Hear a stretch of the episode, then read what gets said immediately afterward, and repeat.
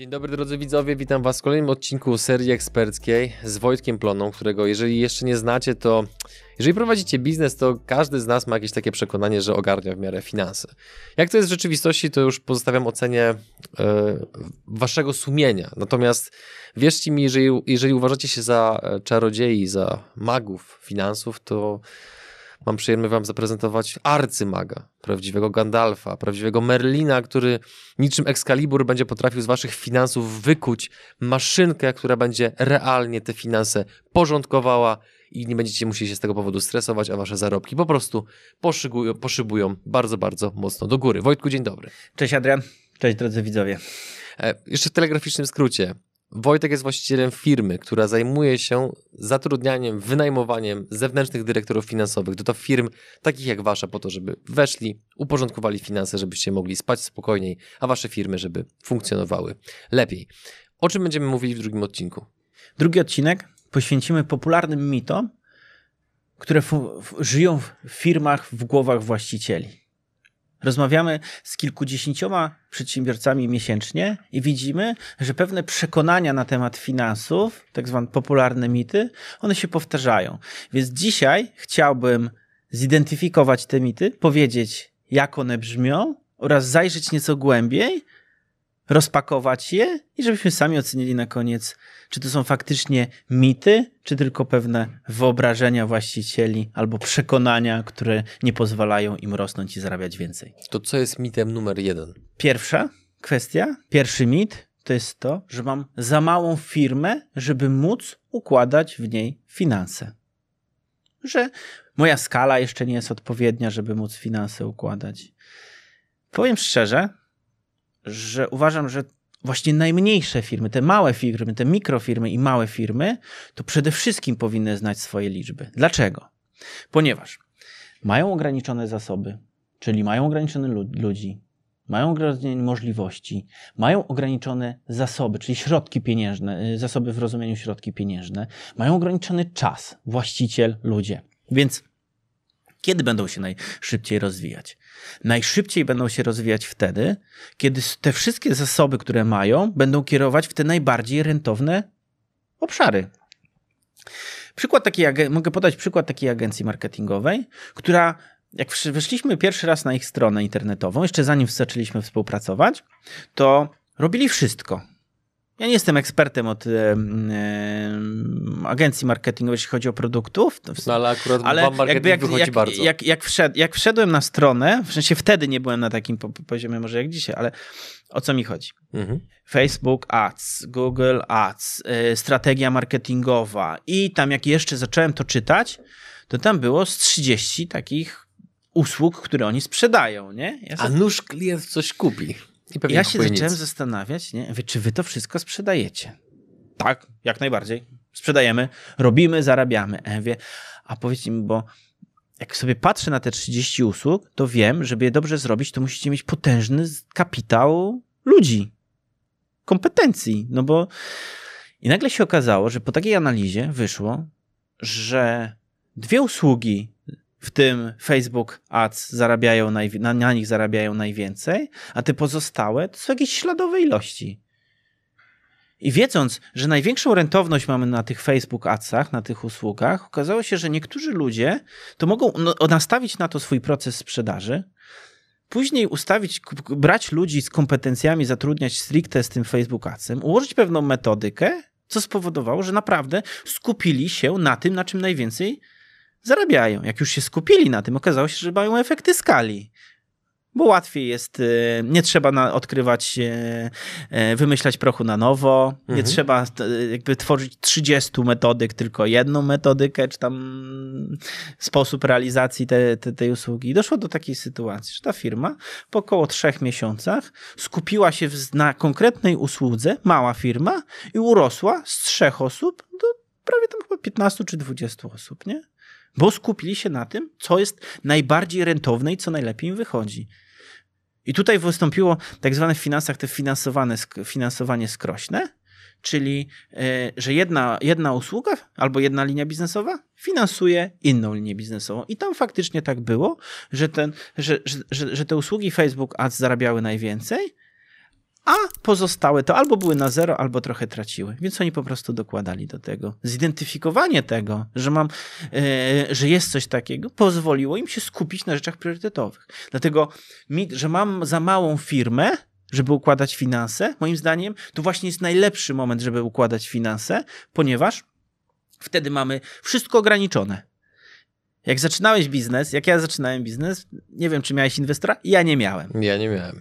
Więc ja miałem ograniczony czas, ograniczone pieniądze, ograniczone zasoby, w sensie ludzi, i w to wszystko musiałem gdzieś kierować. Mhm. Więc na dobrą sprawę musiałem ukierować tam, gdzie będą największe efekty, albo tam, gdzie możemy mieć najlepsze efekty. Bo jeżeli małe firmy zajmują się wszystkim i wszędzie, to na koniec dnia właściciel siedzi po nocach.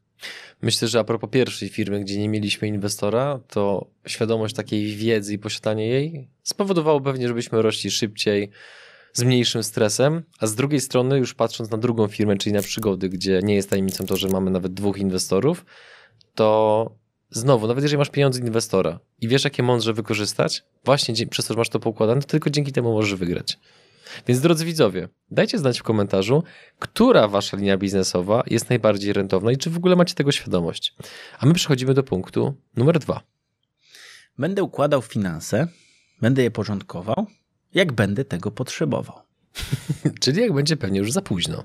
Albo zrobi się gorąco, ale nie będę mógł spać. Może tak być. Mam takie przemyślenie na ten temat. Ja że... lubię twoje przemyślenia. Dziękuję. Ja też dobrze się z nimi czuję często. Żółwik na odległość. Mam, mam takie przemyślenie, że to jest trochę tak. Załóżmy, że nie znam w ogóle się na zdrowiu. Nie jestem lekarzem, nie kończyłem studiów, nie czytam na ten temat. Żyję sobie i coś mnie boli. A nie boli mnie tak wystarczająco mocno, nie muszę się tym zajmować. Czyli na dobrą sprawę, na, na poziomie własnej wiedzy, której nie mam, żadnej wiedzy, podejmuję decyzję, czy to już jest ten moment, czy nie jest dobry moment. I z finansami jest podobnie. Że właściciele firm nie wiedzą, nie znają się na finansach albo mają podstawową wiedzę i oceniają, kiedy jest idealny moment na to, żeby faktycznie się tym zająć. Co ciekawe, zajmowanie się finansami, najlepszy moment jest, jak jest dobrze. Ponieważ pewne rzeczy można przewidywać. Bo to jest trochę tak jak z chorobą, że jak już za późno się pewnymi rzeczami zajmiesz, to konsekwencje tego mogą być o wiele gorsze. To tak jakbyś miał zawał i właśnie w tym momencie zacząłeś dbać o swoje serce. Przepraszam. Nie powinno mnie to bawić, ale jak sobie wyobraziłem jak, jak poziom absurdu tej sytuacji, to nie mogą się powstrzymać. Idźmy dalej. Okej. Okay. I to często tak jest. Mamy, mieliśmy taką sytuację, że właściciel firmy stwierdził, że nie potrzebuje w ogóle pomocy w, w finansach, bo on świetnie się na tym zna, nie? I doszło do takiej sytuacji, że miał co roku odnowienie kredytu. Okazuje się, że po pierwsze nie spełniał warunków, bo nie przeczytał umowy, co jest w, te, w tej umowie kredytowej, a z drugiej strony e, zapomniał e, o tym, że, że banki oceniają według pewnych wskaźników, pewnych kryteriów. I teraz, jeżeli on zajął się tym na tydzień wcześniej przygotowaniem bilansu albo rozmową czy z księgową, czy, czy, czy, czy z dyrektorem finansowym, czy z kontrolerem na temat tych wyników, to już było za późno. Efekty w finansach często są widoczne po dłuższym czasie. Są tak zwane quick winy, Czyli na przykład od następnego klienta bierz kasę z góry i już poczu, poczujesz, e, poczujesz różnicę, ale są pewne działania, które trzeba po prostu wdrażać, które będą miały swoje konsekwencje za, za miesiąc, za trzy miesiące, za sześć miesięcy, za dwanaście miesięcy. Ja niektóre widzę właścicieli firm, którzy bardzo dobrze zarządzają swoimi finansami, i jak mówią o swojej historii, tego jak zmienia się ten biznes, to dochodzi do sytuacji, że widać to na przestrzeni lat, a nie przestrzeni miesięcy. Żeby nam pewne quick winy już wdrożyli, ale pewne rzeczy mają podstawę swojego modelu biznesowego. I teraz wracając, że ten właściciel dostał odmowę kredytu, ponieważ nie wiedział, na co ma dokładnie patrzeć, albo zapomniał, na co ma dokładnie patrzeć, na co bank będzie patrzył i nie porównał sobie, nie przygotował się 2-3 miesiące wcześniej, tylko po prostu jak już było źle, jak mu wynik spadł. Często spotykam się z taką sytuacją, że właściciele firm obniżają sobie podatek na koniec roku, albo na przykład wychodzą na zero, albo lekką stratę. A na przykład ocena y, analityka finansowego może być prosta, że patrzy, kurde, jest strata, jest na zero, dużo kręcą, no nie mają zbyt dobrej rentowności. Analitycy w banku dobrze znają te wskaźniki, oni wiedzą, z czym to się, z czym to się je. Co więcej, nie często dopytują o pewne rzeczy i nie, niekoniecznie muszą znać całą historię. Dlaczego jest taki wynik? Pytają, dostają odpowiedź, ale czy to jest prawda? Różnie bywa. No i teraz dochodzi do takiej sytuacji, że pracujemy z skutkami. I chcemy te skutki naprawiać tu i teraz, bo jest problem, a nie zaczynamy zapobiegać. To tak jak z lekarzem, nie? że jedni chodzą do lekarza jak w ramach profilaktyki, żeby dbać o zdrowie, inni chodzą jak coś boli. I podobnie jest z właścicielami firm, małych i średnich przedsiębiorstw, jeżeli chodzi o finanse. To w takim razie przejdźmy do punktu numer 3, jakim jest po co mam układać finanse? I tak wszystko liczy mi księgowa. Ja nie chciałbym tutaj wchodzić mocno w polemikę, co robi księgowa, co nie robi księgowa, co robi dyrektor. Natomiast. Nie chcesz zadymy w komentarzach? E, ja bardzo szanuję pracę księgowych. My również. E, Teraz mamy wiem, znakomity. Wie, wiem, że wykonują dobrą robotę. E, wiem, że są bardzo mocnym partnerem w naszej codziennej pracy. Pozwalają nam robić lepsze analizy i wyciągać z nich wnioski. Natomiast często jest tak, że ci księgowi są wkładani w pewne role w których oni tak naprawdę nie powinni pełnić. To tak jakbyś przyszedł do blacharza i powiedział napraw mi silnik. Ja sobie to tak rozumiem, że w prosty sposób będę umował, będę stosował te uproszczenia, e, bo chcę być lepiej zrozumiany. Że jeżeli przychodzimy do księgowej i mówimy, zajmij się naszymi finansami, to celem księgowości jest to, żeby dokumenty, żeby działalność, którą prowadzimy, odzwierciedlić w księgach i rozliczyć naszą działalność, żebyśmy, żebyśmy mogli się w odpowiedni sposób rozliczyć przed e, odpowiednimi urzędami za, zaewidencjonować to, co robimy i rozliczyć nam miesiąc, żebyśmy wiedzieli, ile podatku za, za, e, zapłacić i tego typu rzeczy. I na tym się często skupia księgowość. Na zamykaniu miesiąca, policzeniu podatków, na odpowiednim zaewidencjonowaniu naszych zdarzeń gospodarczych. I często jest tak, że właściciele firm przychodzą i mówią, e, że chcą jakieś analizy od księgowej. My mieliśmy taką sytuację, że e, właściciel firmy dzwonił do księgowej mówi: Wchodzimy w nowy biznes, chcemy mierzyć to. Albo będziemy, chcemy na przykład wiedzieć, ile, ile będziemy mieli takich kosztów.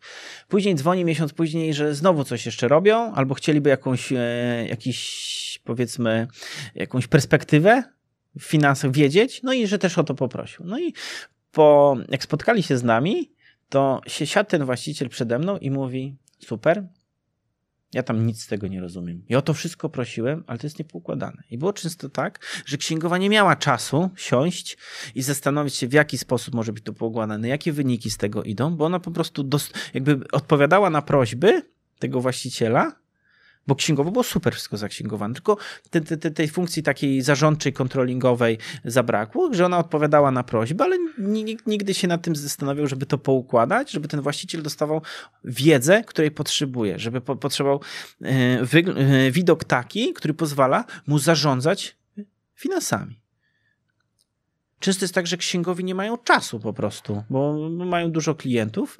I teraz to jest trochę tak, że są wyspecjalizowani w księgowaniu, a pytanie, czy są wyspecjalizowani w robieniu analiz i mają taką biegłość, nie? Czy na przykład Excela znają, czy mają odpowiednie narzędzia, e, bo dużo pracy. Ja spotkałem się z księgowymi, którzy naprawdę pełnią rolę dyrektorów finansowych i świetnie sobie z tym, z tym radzą, nie? Ale to najczęściej są albo e, doświadczeni księgowi, albo na przykład właściciele biur rachunkowych. A nie zawsze mamy ten komfort, że jak jesteśmy w biurze rachunkowym, to trafiamy na takiego doświadczonego pracownika, bo czasami są osoby, które po prostu nie mają tej wiedzy i tych kompetencji, jeżeli chodzi o analizy finansowe.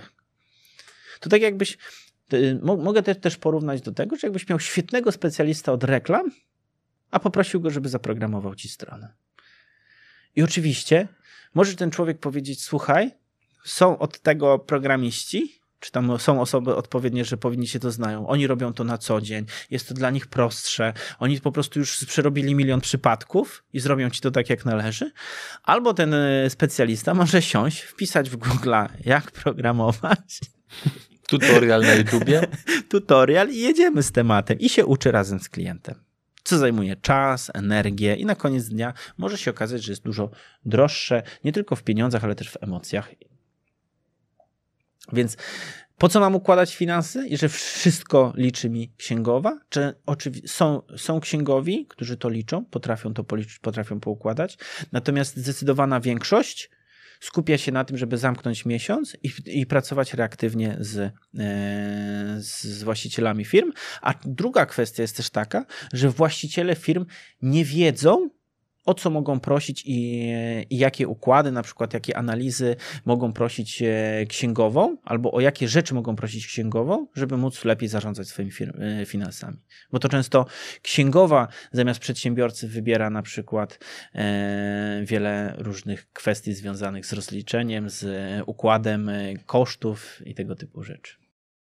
Mit numer cztery. Przecież wiem, za ile kupuję i sprzedaję, znam swoją marżę. Spotkałem się z przedsiębiorcą, który mówi: Mam 15% marży i wiem, że na 15% marży zarabiam. Okej, okay, ale 15% marży to może być pół miliona, ale może być też 150 tysięcy. I często jest tak, że my sobie licząc na poszczególnych produktach, tą marżę, czy na podobnych usługach, mamy w głowie pewną liczbę, natomiast często nie patrzymy, jak to się później przekształtuje na poziomie sprzedaży, na poziomie kosztów administracyjnych czy zwiększamy, czy zmniejszamy, i często jest nam trudno odnieść, czy nasza marża wystarczy.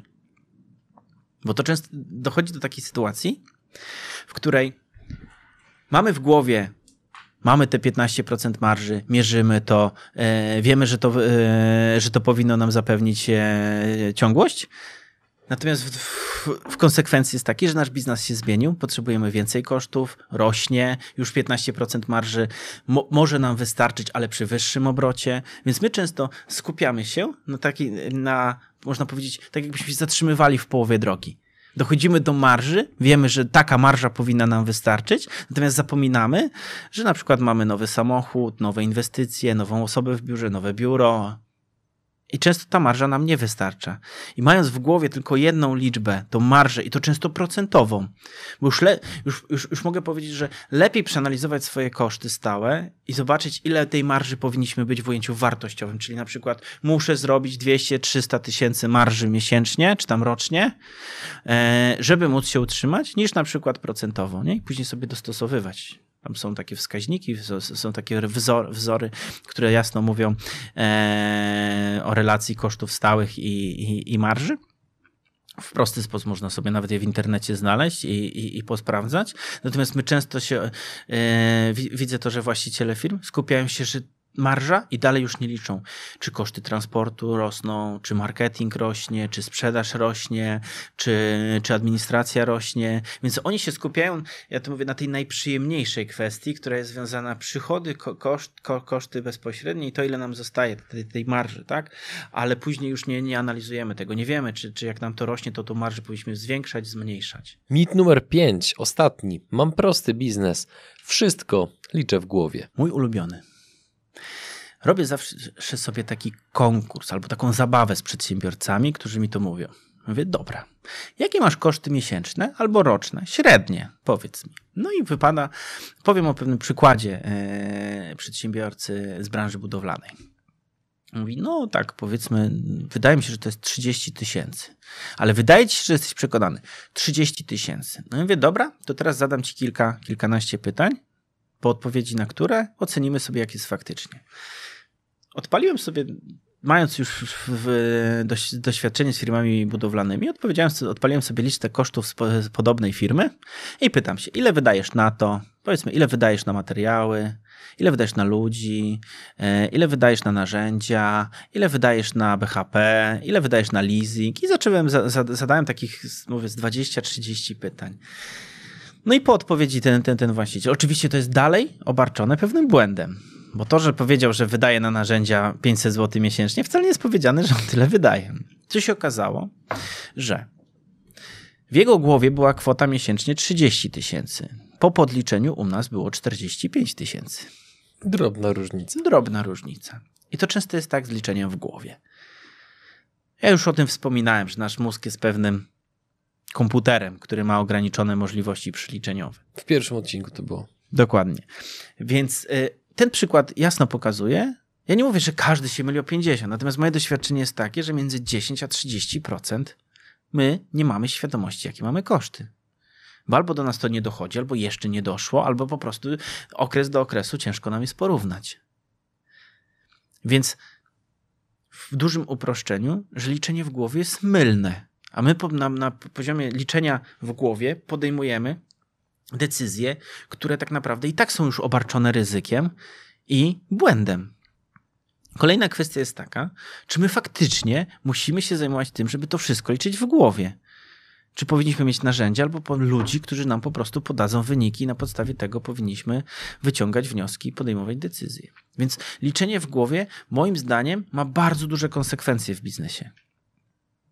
Bo rzeczywiście, jeżeli mamy mały biznes, jeżeli masz dwóch programistów, płacisz im 10 tysięcy, sprzedajesz ich powiedzmy za 30 tysięcy, no to tam i, i wiesz, że na przykład twój leasing to jest tam, nie wiem, 5 tysięcy i, i, wyciągasz tam 10 tysięcy z, z, firmy, no to naprawdę jesteś w stanie to policzyć w głowie. Jak najbardziej.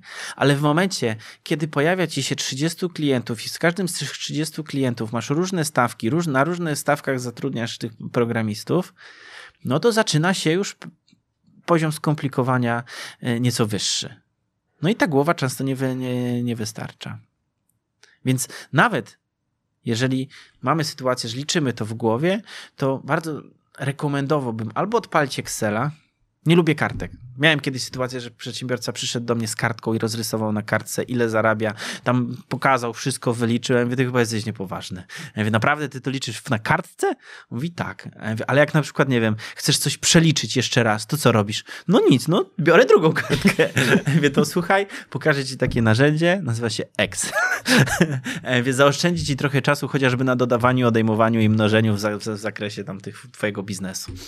Oczywiście żarty żartami, ale faktycznie, żeby nie, najlepiej jakby raz w miesiącu sobie podsumować to, jakie mamy koszty, mieć świadomość tego. Jeżeli e, dzisiaj twoje nawyki nie pozwalają ci na to, żeby mm, robić to raz w miesiącu, zrób to minimum raz na trzy miesiące. Po prostu. Rób to i zderzaj przekonania i myśli, to co liczysz w głowie, z rzeczywistością.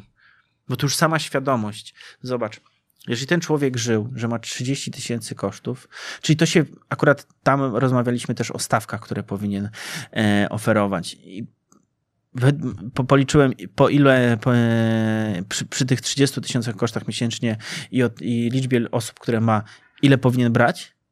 I powiedziałem mu, słuchaj, od dzisiaj musisz brać na przykład 10 zł więcej. Bo to jest twój próg, próg bo, bo poniżej tego nie zarabiasz. I teraz w momencie, kiedy on wyszedł, to każdy człowiek, który do niego zadzwonił, on już nie, nie brał tych niższych stawek, tylko wiedział, że poniżej tego już nie może. Już miał inny punkt odniesienia. Już nie oceniał na oko. dokładnie. I, i, I, nawet i po to jest to, żebyśmy sobie to yy, raz na miesiąc podsumowali, żeby zaktualizować sobie punkt odniesienia. To tak jak z systemem, nie? Raz na jakiś czas musisz wgrać nowe oprogramowanie, nowe dane. Tak samo jest po prostu z finansami, nie? że musisz mieć cały czas ten punkt odniesienia, który jest aktualny, a nie ten sprzed pół roku, jak na przykład miałeś trzech pracowników mniej i na przykład miałeś tam więcej kosztów w innych kategoriach. Nie? Tym sposobem dotarliśmy do końca drugiego odcinka serii eksperckiej. Tym z Was, drodzy widzowie, którzy jeszcze nie widzieli pierwszego odcinka, to oczywiście zapraszamy. Więc powiedz proszę naszym widzom i słuchaczom, co masz na koniec do powiedzenia. Żegnamy się już, czy jeszcze coś? Mam jeszcze jedną kwestię. Proszę.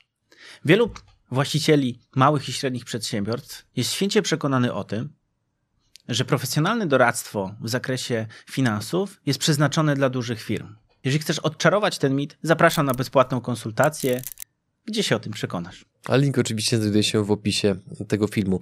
Dla tych z e, naszych słuchaczy, którzy słuchają naszego materiału na podcastach, powiedz proszę, jak mogą Was znaleźć. Podyktuj proszę adres strony internetowej bądź nazwę Waszego podcastu, który również prowadzicie. Podcast nazywa się Finanse w Twojej firmie. Można go znaleźć zarówno w Apple Podcast, w Google Podcast oraz na Spotify'u. Można też wejść na naszą stronę www.plonaconsulting.pl i znajduje się tam zakładka podcast. Drodzy widzowie, tymczasem my się żegnamy z Wami. Dziękujemy Wam za Wasz czas. Jeżeli macie jakiekolwiek pytania do Wojtka i jego zespołu, to oczywiście piszcie. I widzimy się w kolejnym odcinku. Kolejnym odcinku oczywiście serii eksperckiej, ale nie tylko. Do zobaczenia. Cześć.